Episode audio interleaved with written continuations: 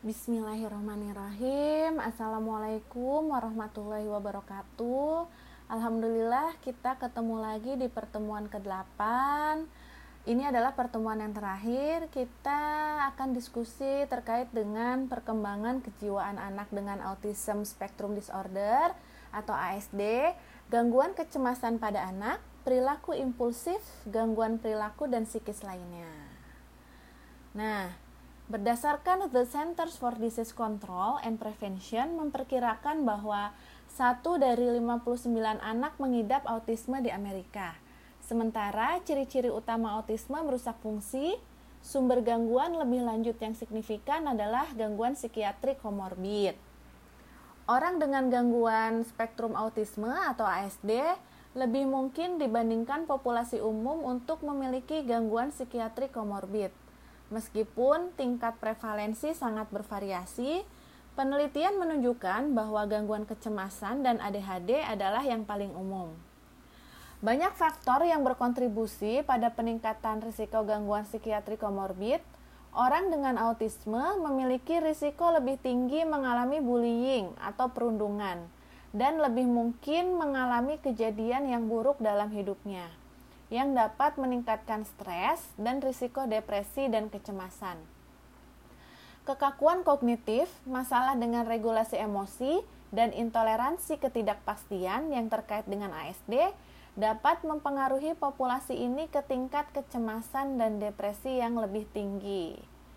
Defisit regulasi emosional mungkin merupakan fenomena transdiagnostik yang mendasari ASD serta kecemasan dan komorbiditas psikiatri lainnya.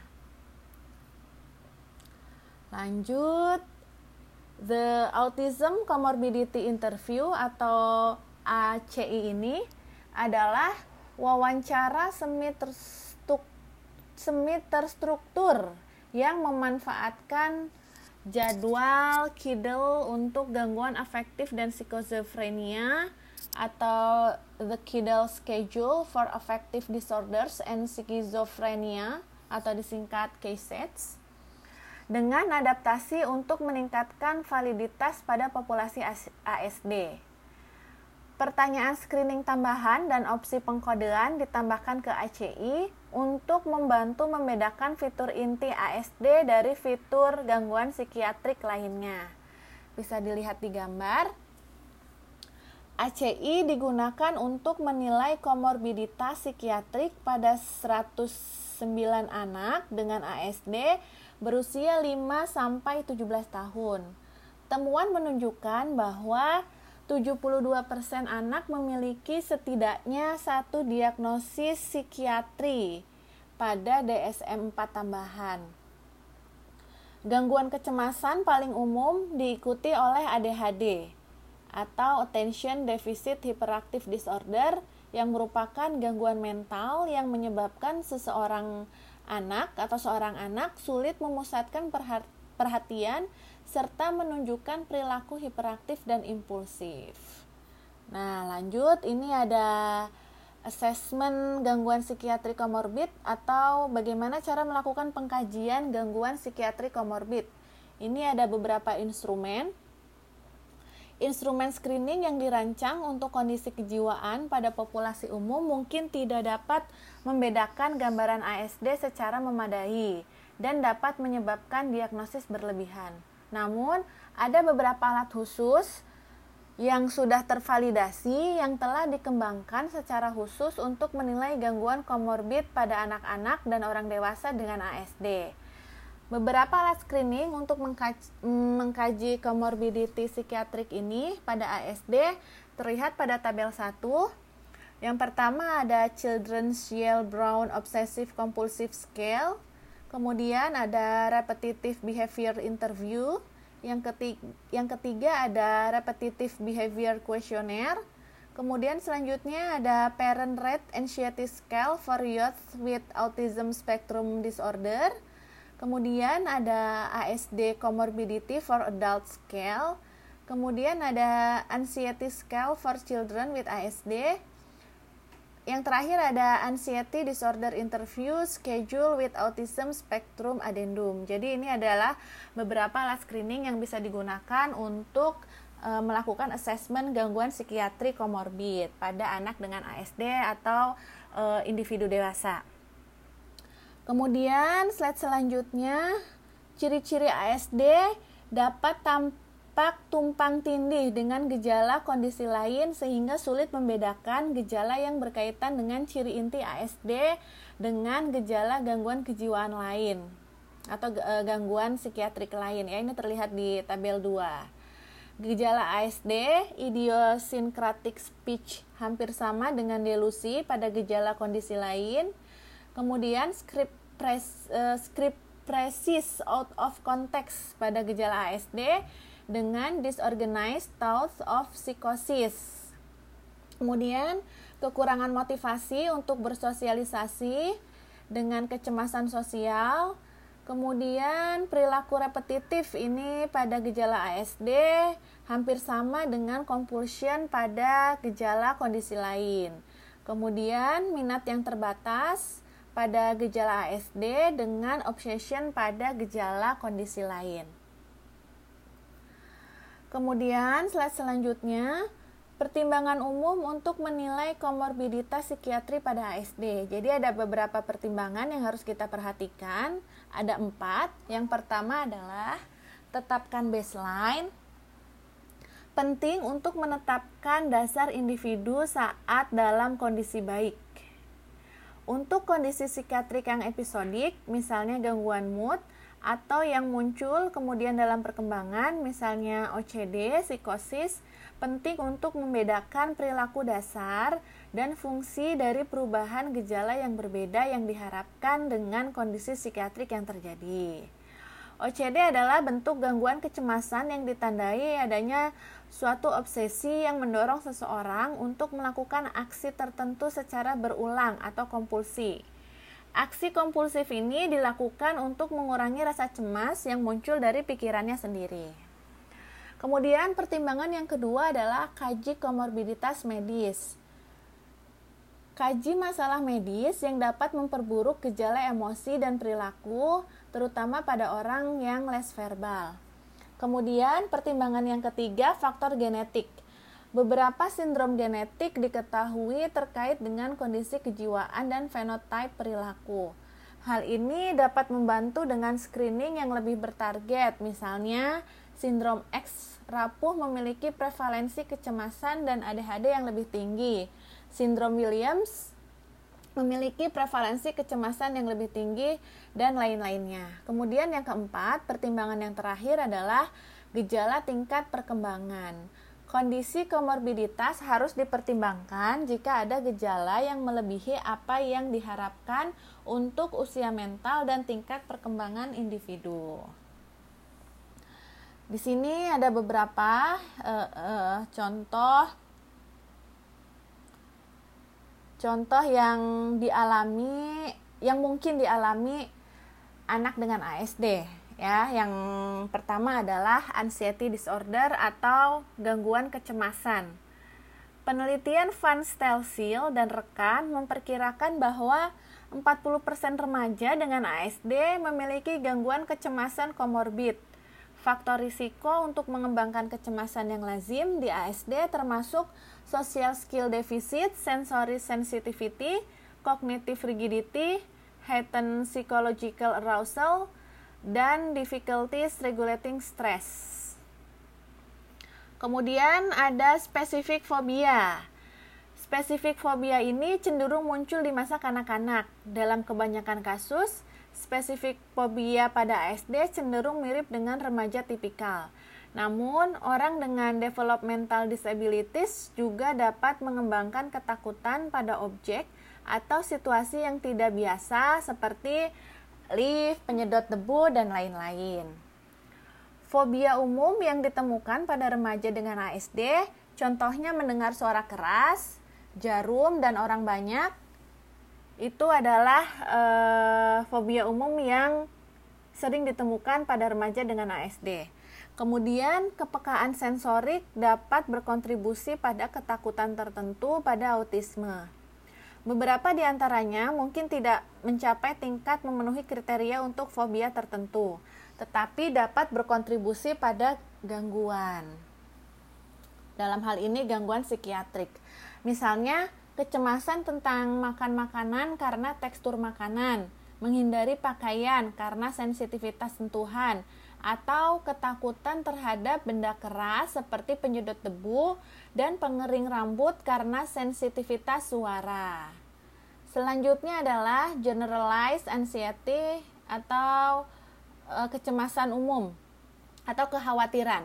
Kekhawatiran ini terkait dengan keasikan yang intens, jadwal dan perubahan lingkungan mungkin merupakan fitur atipikal kecemasan yang penting untuk dikenali.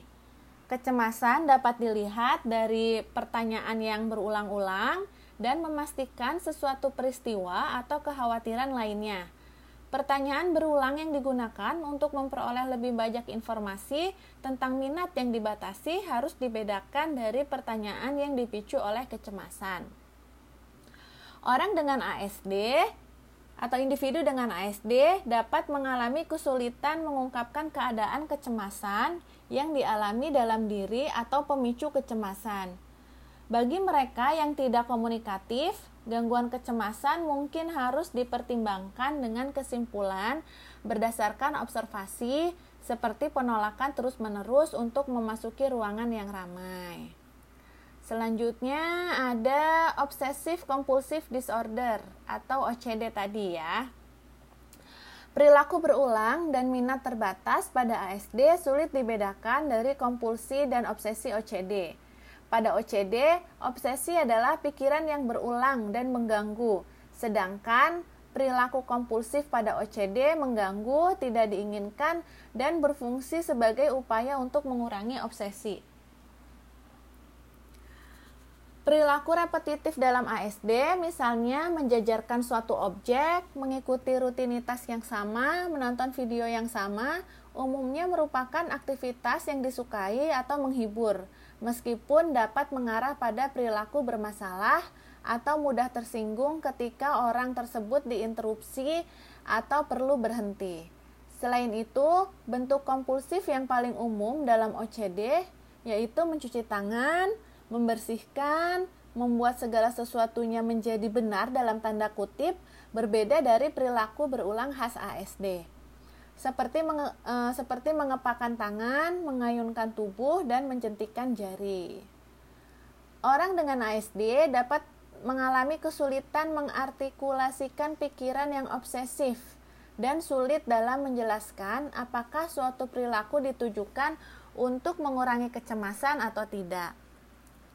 ACI tadi, The Autism Comorbidity Interview, mengadaptasi kriteria OCD untuk memungkinkan pengasuh menyimpulkan atau orang tua menyimpulkan pengalaman mental orang yang menunjukkan perilaku kompulsif.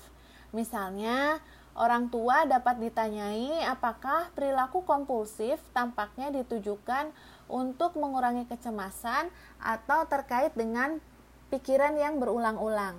Menggunakan kriteria ini, Leifer dan kolega menemukan bahwa 37% dari sampel mereka memenuhi kriteria OCD. Dalam studi yang berbeda oleh Simonov dan rekan, alat penilaian tidak memungkinkan pengasuh untuk membuat kesimpulan ini dan prevalensi OCD diperkirakan 8,2%. Selanjutnya adalah social anxiety Diagnostik kecemasan sosial pada ASD mensyaratkan bahwa seseorang dengan ASD menghindari interaksi sosial karena takut akan penilaian negatif daripada hanya kurangnya minat dan interaksi sosial, yang merupakan ciri inti umum dari ASD. Pada remaja, kecemasan sosial remaja yang, ber, eh, yang berfungsi lebih tinggi dapat berkembang karena kesadaran akan perbedaan dari teman sebaya yang meningkat. Selanjutnya adalah Attention Deficit Hyperactivity Disorder atau ADHD. ADHD adalah kondisi umum yang terjadi bersamaan dengan ASD. Diagnosis ADHD yang terjadi secara bersamaan dapat menjadi tantangan karena gejala inattention, kemudian executive functioning problems, dan social cognitive deficit yang sering terjadi pada kondisi tersebut. Penting untuk membedakan fitur inattention dan impulsif yang mungkin melekat pada ASD, seperti gangguan yang terkait dengan special interest, sensory seeking behavior, atau processing problems. Dari fitur yang memerlukan diagnostik tambahan, tambahan ADHD pada anak-anak dengan ASD. Subtipe hiperaktif impulsif ADHD juga dapat dimanifestasikan pada orang dengan ASD dan paling baik dinilai dalam konteks usia perkembangan remaja. Tingkat aktivitas yang diharapkan dan tuntutan lingkungan. Slide selanjutnya, depression atau depresi. Hmm, Diagnostik depresi pada remaja neuro, neurotipikal biasanya bergantung pada laporan diri dari gejala suasana hati seperti perasaan sedih, putus asa, atau penurunan harga diri. Menjelaskan keadaan internal ini bisa jadi sulit bagi banyak orang dengan ASD, terutama mereka yang memiliki keterampilan verbal terbatas. Magnusson dan Konstantino mengembangkan kerangka kerja untuk penilaian depresi pada ASD. Untuk orang dengan keterampilan verbal terbatas atau kesulitan mengungkapkan perasaan, peningkatan perilaku melukai diri sendiri, penurunan perawatan diri, suasana hati labil, penurunan minat pada minat khusus, dan kemunduran keterampilan adalah perilaku yang dapat diamati yang terkait dengan depresi. Untuk remaja verbal dengan ASD, wawasan tentang gejala ASD dan dampaknya pada fungsi, kesadaran untuk diejek atau berbeda dari teman sebaya, penolakan sosial, dan efikasi diri yang rendah merupakan faktor risiko dari depresi. Selanjutnya adalah psikosis. Meskipun kejadian bersamaan jarang terjadi, autisme dan psikosis memiliki beberapa gejala yang tumpang tindih yang dapat menimbulkan pertanyaan diagnostik. Defisit bahasa pragmatis dalam ASD dapat mencakup perubahan topik yang tiba-tiba, kegagalan untuk memberikan konteks yang dapat berkontribusi pada kualitas bahasa, dan proses berpikir yang tampaknya tidak teratur. Ketika orang dengan ASD berada di bawah tekanan, mereka dapat memiliki ucapan yang lebih tidak teratur, yang biasanya disebabkan oleh kecemasan masalah dengan kontrol kognitif, dan defisit bahasa pragmatis daripada psikosis yang mendasarinya. Kemudian Larson dan kawan-kawan menemukan bahwa ketika psikosis terjadi bersamaan dengan ASD, tanda dan gejala psikosis cenderung lebih sementara dan durasinya lebih pendek.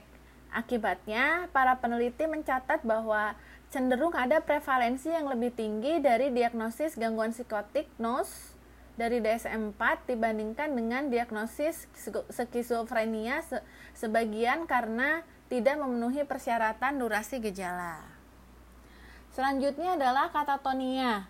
Gejala katatonik dapat berkembang pada orang dengan ASD dengan onset usia biasanya pada masa remaja. Terjadinya katatonia pada autisme adalah atau e, ini jarang terjadi. Tetapi penting untuk diketahui mengingat manfaat pengobatan dini dan risiko komplikasi yang mengancam jiwa pada kasus yang lebih berat. Diagnosis katatonia pada ASD dapat menjadi tantangan karena gerakan ekolalia, mutisme, dan stereotipik sering terjadi pada kedua kondisi tersebut. Ekolalia adalah reaksi mengulang kata-kata atau ucapan orang lain secara otomatis yang umumnya dilakukan oleh penderita autisme. 75% penderita autisme akan mengalami ekolalia sejak masa kecil dan sebagian dari anak-anak tersebut akan tetap mengalami ekolalia sampai dewasa. Kemudian onset dari gejala katatonik pada ASD mungkin bertahap dan pada tahap awal dapat muncul dengan kemunduran dalam keterampilan perawatan diri, penurunan kemampuan bicara, dan kesulitan memulai eh, tindakan atau sebuah tugas. Permulaan baru dari masalah gerakan seperti terjebak di tengah suatu tindakan, kesulitan memulai gerakan, imobilitas, peningkatan perilaku berulang, kesulitan melewati ambang batas, dan menahan postur harus meningkatkan kecurigaan untuk katatonia. Perilaku berulang seperti gerakan stereotip dan ekolalia tidak boleh dihitung sebagai diagnosis katatonia terpisah jika konsisten dengan gejala dasar ASD individu. Kemudian pertimbangan pengobatan Pengobatan kondisi psikiatrik komorbiditas pada ASD membutuhkan pendekatan multimodal dengan kontribusi dari pendidikan orang tua atau pengasuh, analisis perilaku terapan, psikoterapi, farmakologi, intervensi sensorik, ucapan dan bahasa, dan disiplin lain bergantung pada sejarah dan presentasi individu. Kognitif behavioral terapi CBT telah terbukti mengurangi kecemasan pada anak-anak dengan ASD dan gangguan kecemasan. Intervensi farmakologis saat ini tidak ada obat untuk gejala inti ASD. Intervensi farmakologis untuk kondisi psikiatri komorbiditas dapat membantu meringankan, meringankan gejala terkait dengan e, atau memungkinkan keterlibatan yang lebih baik bagi individu dalam perawatan pendidikan dan psikososial. Nah, ini slide yang cukup penting dan mungkin paling penting terkait dengan autism is not mental illness. Autisme itu bukanlah penyakit mental. Autisme dapat memiliki penyakit mental seperti depresi dan PTSD, post traumatic stress disorder yang kompleks. Autisme sering mengalami trauma dari serangkaian situasi dan keadaan di mana tidak manusiawi, dilecehkan secara fisik dan psikologis, terkucilkan dalam keluarga besar, dalam hubungan, komunitas, lembaga pendidikan, sistem peradilan, dan perawatan medis. Nah, slide selanjutnya ini ada penelitian dari Eilid Cake, Jessica di Monaco, dan Victoria Newell menyoroti bahwa pentingnya mempertimbangkan bagaimana penerimaan autisme dapat berkontribusi pada kesehatan mental da, e, pada autisme. Jadi, memang penerimaan autisme ini sangat penting. Kemudian slide selanjutnya ini ada e, research summary yang berjudul an exploratory analysis of predictors of youth suicide related behaviors in autism spectrum disorder implication pro, uh, for prevention science. Penelitian ini tentang autisme yang dikaitkan dengan peningkatan risiko bunuh diri, pikiran atau niat untuk mati karena bunuh diri. Studi ini berusaha memahami faktor kunci apa yang dapat meningkatkan risiko berbicara tentang bunuh diri dan dengan sengaja melukai diri sendiri atau mencoba bunuh diri pada remaja dengan ASD. Penelitian ini melakukan melakukan apa sih? Penelitian ini menganalisis berbagai faktor risiko dari lima domain yang dianalisis berdasarkan bagaimana mereka berhubungan dengan laporan orang tua tentang perilaku terkait bunuh diri dengan diagnosis utama ASD. Di sini ada gejala ASD, kemudian ada kemampuan otak, ada psik, uh, psik, psik, physical, physical health, ada physical health, kemudian ada mental health dan demografik. Hasil penelitiannya menggambarkan bahwa para peneliti menemukan pendidikan orang tua yang lebih rendah, IQ verbal yang lebih tinggi, kesehatan mental komorbid, depresi dan masalah perilaku, dan kelebihan berat badan BMI di atas 25 meningkatkan risiko berbicara tentang bunuh diri bagi remaja autisme. Jadi, kondisi kesehatan mental komorbid, depresi dan masalah perilaku meningkatkan risiko tentang bunuh diri bagi remaja dengan autisme.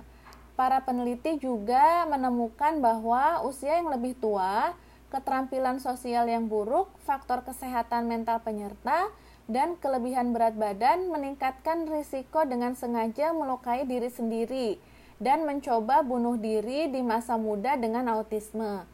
Para peneliti menyatakan bahwa berdasarkan temuan mereka, ada kebutuhan untuk penilaian holistik tentang bunuh diri pada remaja dengan ASD.